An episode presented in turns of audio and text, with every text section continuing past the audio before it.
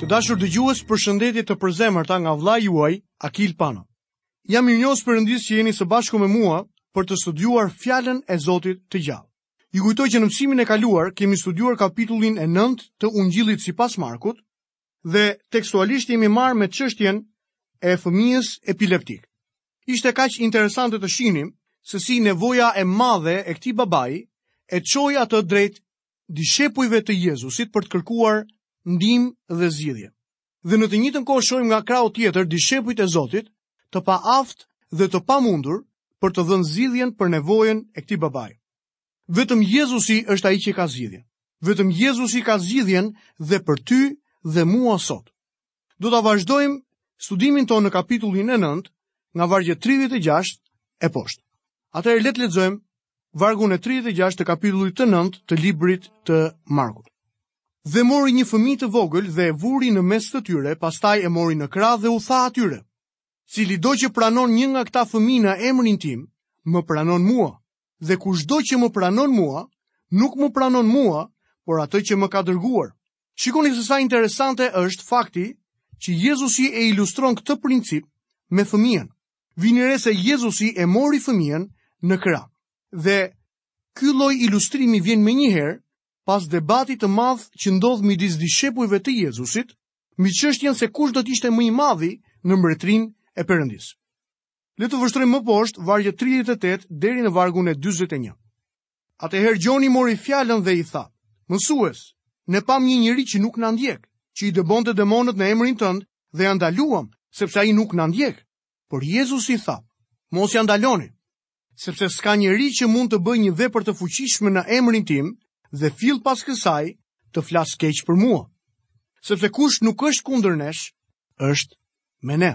Në fakt, kushdo që do t'ju japë të pini një gotë ujë në emrin tim, sepse jeni të Krishtit, në të vërtetë po ju them se me siguri nuk do ta humbasë shpërblimin e vet. Gjoni gjithmonë është menduar si një apostull i edukuar, por vini re, këtu qëndrimin e tij të papërmbajtur. Këtu Jezusi qorton çdo lloj fryme fanatike. Do të vini re se bazat e unitetit që Jezu Krishti vendosi janë në emrin tim.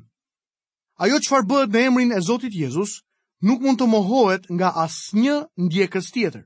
Megjithatë, emërtimi Jezus shfaqet aq shumë sot saqë nuk është më në emrin e tij.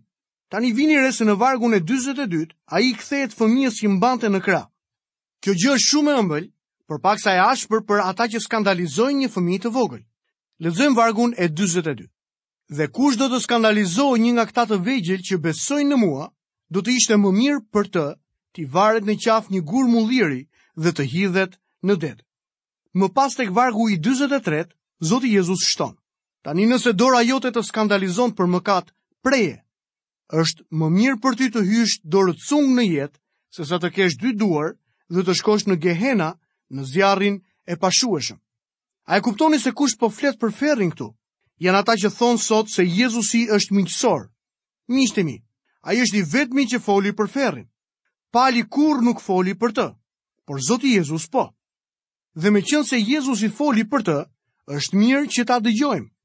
Ai tha se është një vend që quhet ferr. Dhe unë jam i sigurt se ai është një vend tamam siç e përshkroi Jezusi. Vargjet 44 deri në vargun e 46 nuk gjenden në dorëshkrimet më të mira. Do të ishte mirë nëse do t'i anashkalonim ato. Jezusi flet rreth dorës, këmbës dhe syrit. Tani lexojmë nga vargjet 45 deri 47.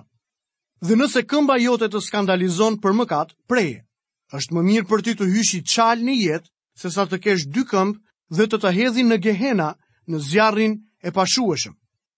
Dhe nëse syri yt të skandalizon për mëkat, Nxirre, është më mirë për ty të hysh me një sy në jetë sesa të kesh dy sy dhe të të hedhin në gehenën e zjarrit. Syri mund të të udhëheqë drejt mëkatit. Mendoni për Evën e cila në fillim pa se pema ishte e mirë për t'u ngrënë. Lexojmë vargun 49 dhe 50. Sepse gjithkush duhet të kripet me zjarr dhe çdo fli duhet të kripet me kripë. Kripa është e mirë, por nëse kripa bëhet e amësht, me se do t'i jepni shijen. Kini kripë në vetvete dhe jetoni në paqe njëri me tjetrin. Këto janë dhe qëndrime të çuditshme. Ideja është se të dyja si zjarri edhe kripa pastrojnë. Zjarri pastron duke djegur zgjyrën dhe papastërtinë, ndërkohë që kripa depërton, djeg prishjen dhe ndalon përhapjen e papastërtive. Nëse kemi kripë, punën pastruese të fjalës së Zotit që punon në ne, ajo shenjtëron dhe sjell paqe. Të dashur dëgjues, këtu kemi përfunduar studimin e kapitullit të 9 të Ungjillit sipas Markut. Tani do fillojmë studimin tonë mbi kapitullin e 10. Tema e kapitullit të 10 që neve do të shohim sot, do ta fillojmë që tek vargu i parë, i cili na tregon se ai Jezusi U nis prej andej dhe shkoi në krahinën e Judesë. Ju ndoshta e keni vënë re që këtu tek Marku ka shumë lëvizje. Në fakt gjeografia tek Ungjilli i Markut është shumë interesante. Tek Ungjilli i Markut kapitulli 9 dhe vargu i 30 lexuam se mbasi u nisën prej andej, kaluan nëpër Galile. dhe ai nuk donte që ta merrte vesh njeri. Jezusi po bënte largimin përfundimtar dhe nuk donte një largim të madh. Tani mbërrin në bregun e Judesë përgjatë bregut të lumit Jordan në pjesën lindore. Kjo ishte në zonën e quajtur Dekapolis, sipas 10 qyteteve që ndodheshin aty. Kështu pra ne shohim atë në pjesën lindore të Jordanit. Njerëzit po vijnë drejt tij sërish. dhe ai i mëson ashtu siç e kishte zakon. Tani po bën zbritjen e tij përfundimtare në Jeruzalem. Armiqtë, ata që e urrenin, ndodhen në rrugën e tij. Fillojmë studimin mbi kapitullin e dhjetë të Markut, nga vargu i parë dhe i dytë. Mbasi u nis prej andej, Jezusi shkoi në krahinën e Judesë gjatë Jordanit dhe përsëri u mblodhën rreth tij turma. Ai përsëri filloi t'i mësojë siç e kishte zakon. dhe farisenjtë për ta vënë në provë e pyetën. A është e ligjshme që burri ta lërë gruan? Ne duhet të kuptojmë se ata nuk po pyesin sepse duan një përgjigje. Qëllimi i tyre është vetëm që ta kapin Jezusin në kurth. Ata kanë pikëpamjet e tyre në lidhje me martesën dhe divorcin. Kështu që ia parashtruan këtë pyetje me dredhi. A është e ligjshme që burri ta lërë gruan. Kjo ishte një pyetje e zgjuar dhe një çështje me të vërtetë e gjallë në atë kohë. Sepse Herodi e kishte lënë gruan e tij dhe ishte martuar me gruan e vëllait të tij Filipit. Gjon Pagëzorit iu pre koka sepse foli hapur kundra këtij veprimi.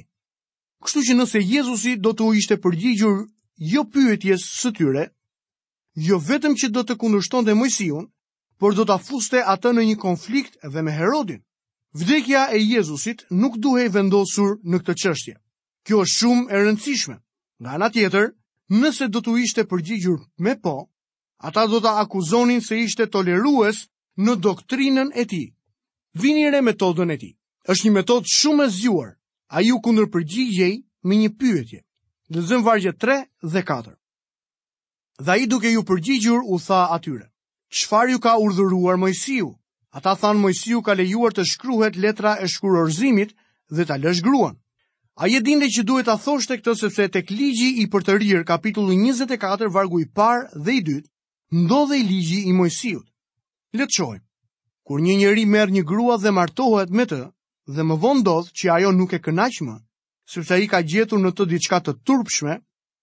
le të shkruajë një shkresë ndarje, t'ia japë në dorë dhe ta dëbojë nga shtëpia e saj.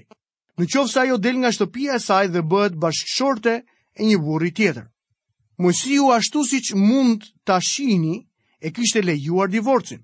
Në fakt nuk ishte qëllimi i Moisiut dhe as qëllimi i Zotit që një burrë ose një grua të divorcoheshin për shkaqe të vogla dhe pa vlerë. Në fakt në këtë kohë drejtuesit fetarë e interpretonin këtë varg pak a shumë kështu. Nëse një grua do të digjte biskotat, do të ishte një shkak për divorc. Por Zoti ynë shkon tek diçka që është bazë dhe kjo është e rëndësishme për t'u parë.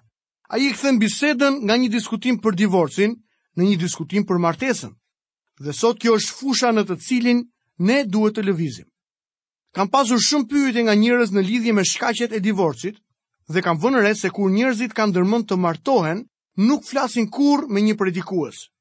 Ata nuk janë të interesuar të zbulojnë nëse vendimi i tyre do të aprovohet apo jo. Pyetja e tyre e vetme është nëse ai do t'i martojë apo jo. Kjo është gjithçka që u intereson.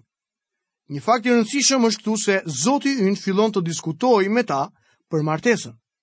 Vini re se si Zoti Jezus e trajton këtë çështje. Ai jep arsyen pse Zoti e ka lejuar divorcin.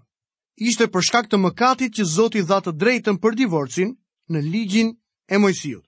Lexojmë te kapitulli i 10 i ungjillit të Markut, vargjet 5 deri në vargun e 9.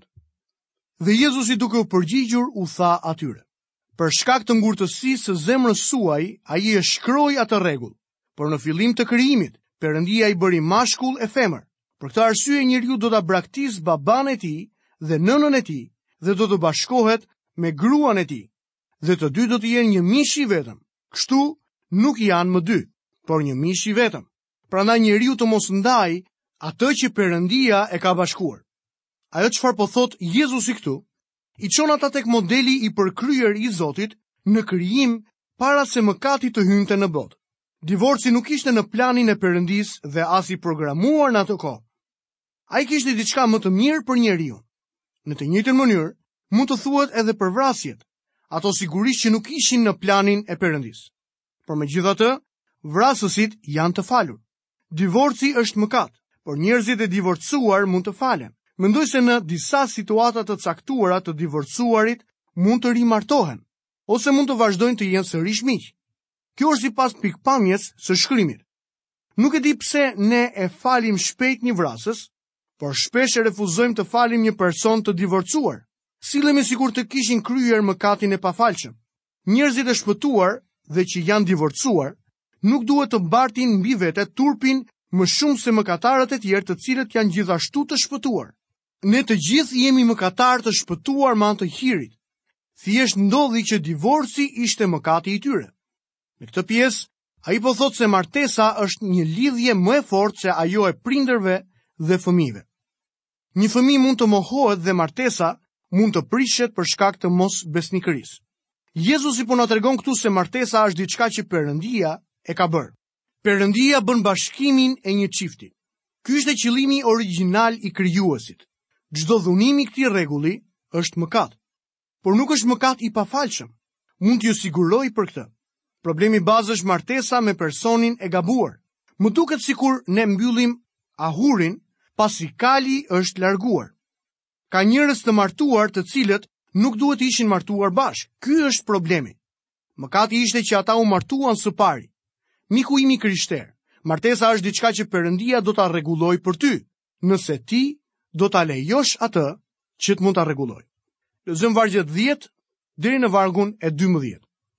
Dhe në shtëpi dishepujt e vet e pyetën përsëri për këtë çështje. Atëherë ai u tha atyre: Ai që lë gruan e vet dhe martohet me një tjetër, shkel kurorën me të. Po ashtu nëse gruaja lë burrin e vet dhe martohet me një tjetër, shkel kurorën. Kjo është deklarata më e fortë kundra divorcit që gjendet në shkrime. Si duhet të interpretohet ajo? Duhet të mblidhen të gjitha shkrimet mbi divorcin dhe të merren parasysh të gjitha para se të bëhet një hyrje e saktë. Pasazhi paralel tek Mateu fut në listë kurvërinë si një nga bazat për divorcin. Pse Marku e le jashtë këtë gjë? Marku po u shkruante romakëve të cilët nuk e njihnin ligjin e Moisiut, ndërkohë që Mateu shkroi për Izraelin që e kishte dhe e njihte ligjin e Moisiut mbi divorcin. Pra duhet të konsiderohet nën këtë pikë këndvështrimi. Tek letra drejtuar romakëve kapitulli 7 dhe vargu i dytë nuk vihet në zbatim për problemin e divorcit, sepse gruaja e martuar, shkruhet, është e lidhur nga ligji me burrin derisa ai rron, por po i vdiq burri, lirohet nga ligji i burrit. Në këtë pasazh, apostulli Pal, po përdor një ligj të mirëthemeluar që gruaja është e lidhur me një burrë të gjallë, për aq kohë sa vdekja e shpengon atë si një ilustrim të marrëdhënies së besimtarit ndaj principit të ligjit. Sistemi i Moisiut u kujdes edhe për burrin ose gruan e pabesë. Ata vriteshin me gurë, derisa të vdisnin sipas Ligjit të Përtërirë, kapitulli 22 dhe vargu i 24. Sot ne nuk i qëllojmë ata me gurë deri në vdekje. Nëse do ta bënim këtë, çdo gjë do të kishte kaq shumë grumbuj gurësh saqë nuk do të lëviznim dot. Sipas ligjit të Moisiut, një burrë ose një grua që është fajtor për tradhtinë duhet të trajtohet nga bashkëshorti si një person i vdekur. Shkrimi pranon një arsye për divorcin, tradhtinë bashkëshortore. Nga fjalët e Krishtit, do të dukej se bashkëshorti i pafajshëm është i lirë të martohet. Diskutimi rreth divorcit dhe bekimi i fëmijëve të vegjël paraqiten si nga Mateu, ashtu edhe nga Marku. Më duket sikur shpirti i Perëndisë do të na tregojë diçka këtu. Fëmija është produkti i pafajshëm i martesës dhe divorci bëhet dyfish edhe më i keq, sepse fëmijët e vegjël i vuajnë shumë pasojat e divorcit të prindërve. Është e habitshme të shikosh numrin e njerëzve të rinj që vijnë nga familje të ndara dhe janë në telashe sot në jetën e tyre. Kjo nuk është rastësi. Kështu funksionon. Lexojmë vargjet 13 deri në vargun e 16. Atëherë i prunë disa fëmijë të vegjël që ai t'i prekte ata, por dishepujt i qortonin ata që i prunë. Kur Jezusi e pa këtë i indinjuar, u tha atyre: i lini fëmijët e vegjël të vijnë tek unë dhe mos i pengoni, sepse e tyre është mbretëria e Perëndisë. Në të vërtetë, po ju them se kushdo që nuk e pranon mbretërinë e Perëndisë si një fëmijë i vogël, nuk do të hyjë në të. Dhe si i mori në krah i bekoi, duke vënë duart mbi ta. Të dashur miq, fëmijët e vegjël nuk duhet të rriten për të shkuar tek ai. Ne presim për Uillin e vogël që ai të rritet dhe ndoshta të mund të bëjë vendimin për Krishtin. Zoti ynë thotë se ai do të donte që të rriturit të bëheshin si fëmijë. Dëgjojmë kaq shumë gjëra sot për vazhdimësinë, rritjen dhe zhvillimin. Kjo është e mrekullueshme, pasi bëheni fëmijë i Perëndisë. Por në fakt, shumica prej nesh po ecin në rrugën e gabuar. Ne kemi nevojë ta lëmë zgjuarsinë, sofistikimin, njohurinë tonë me të cilën ne mburremi sot dhe të kthehemi tek thjeshtësia e fëmijërisë me besim të thjeshtë si fëmijë t'i besojmë Jezu Krishtit. Zoti ynë i mori fëmijët në krah, vuri duart e tij mbi ta dhe i bekoi. Ai kurrë nuk mori një njeri tjetër në krah në atë mënyrë miku im. Arsyeja që mori fëmijët e vegjël është sepse ata janë të vetmit të cilët ai do të pranojë. Kur ata vdesin në foshnjëri para moshës së përgjegjshmërisë, ata shkojnë me siguri tek ai. Lexojmë vargjet 17 dhe 18. Tani kur po bëhej gati për rrugë, i doli përpara dikush me vrap. U gjunjëzua para tij dhe e pyeti. Mësues i mirë, çfarë duhet të bëj që të trashëgoj jetën e përjetshme?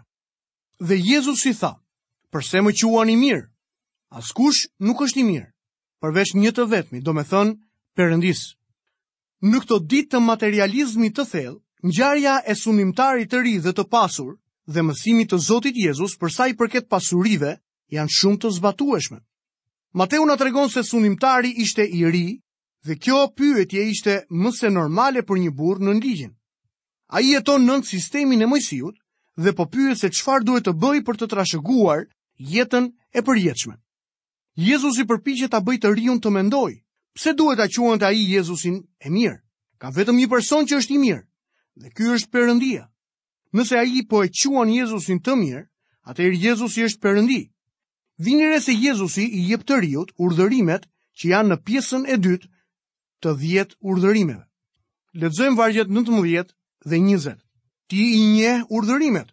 Mos shkel kurorën, mos vrit, mos vidh, mos bëj dëshmi të rreme, mos mashtro. Ndero atin tënd dhe nënën tënde. Dhe ai duke iu përgjigjur, i tha. Mësues, të gjitha këto i kam zbatuar që në fëmijërinë time. Pjesa e parë e urdhërimeve është etiketuar pietas dhe ka të bëjë me marrëdhënien e njeriut me Perëndinë. Pjesa e dytë etiketohet probitas dhe ka të bëjë me marrëdhënien e njeriut me njeriun. Ai mund të përmbushte standardin e pjesës së dytë dhe tha që i kishte mbajtur ato të gjitha. Lexojmë vargun 21 dhe 22. Atëherë Jezusi e vështroi në fytyrë ndjeu dashuri për të dhe i tha: "Një gjë të mungon. Shko shit të gjitha ato që ke dhe jepua të varfërve dhe do të kesh një thesar në qiell. Pastaj eja, merre kryqin tënd dhe më ndiq." Por ai u trishtua për këto fjalë dhe u largua me keqardhje, sepse kishte shumë pasuri. Jezusi i tha që i mungonte një gjë. Çfarë ishte ajo? Marrëdhënia e tij me Perëndinë.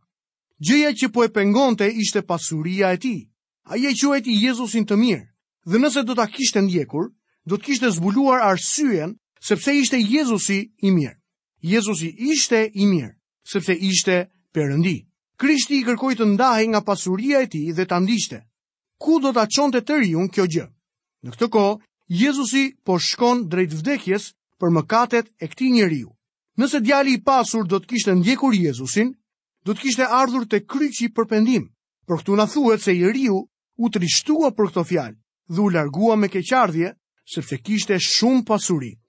Këtu gjejmë një mesazh të madh. Pali thotë se dashuria për paranë është rrënja e të gjitha të këqijave. Ai thjesht po përsërit atë çfarë Zoti ynë po thotë në këtë bisedë. Paraja mund të blejë gjithçka përveçse gjënë më të çmuar, jetën e përjetshme. Kjo bisedë na zbulon pamundësinë e njeriut të pasur për të hyrë në qiell me anë të pasurisë së tij. Është e pamundur për njeriun të mund të hyjë në qiell me anë të mjeteve apo instrumentave të tij. Lexojmë dhe vargjet e fundit në studimin e sotëm. Lexojmë vargjet 23 deri në vargun e 25 të kapitullit të 10 të Ungjillit sipas Markut. Atëherë Jezusi mbasi e hodhi vështrimin përreth, u tha dishepujve të vet: Sa vështirë është për ata që kanë pasuri të hyjnë në mbretërinë e Perëndisë. Dishepujt u habitën shumë nga këto fjalë të tij, por Jezus i foli përsëri dhe u tha atyre: O bij, sa e vështirë është që të hyjnë në mbretërinë e Perëndisë ata që mbështeten tek pasuria. Është më lehtë që një deve të kalojë nëpër vrimën e një gjilpëre, sesa të hyjë një i pasur në mbretërinë e Perëndisë. Një deve nuk mund të kalojë nëpër vrimën e një gjilpëre, kjo njerëzisht, ose në mënyrën e devesë është e pamundur, por për Perëndinë të gjithë gjërat janë të mundura. Të dashur dëgjues këtu kemi mbërritur dhe në fundin e programit të sotëm. Ju falënderoj që keni qëndruar së bashku me mua përgjatë këtyre minutave dhe nga unë vëllai juaj Akil Pano, paçi të gjitha bekimet e Perëndisë dhe paqen e tij në jetën tuaj.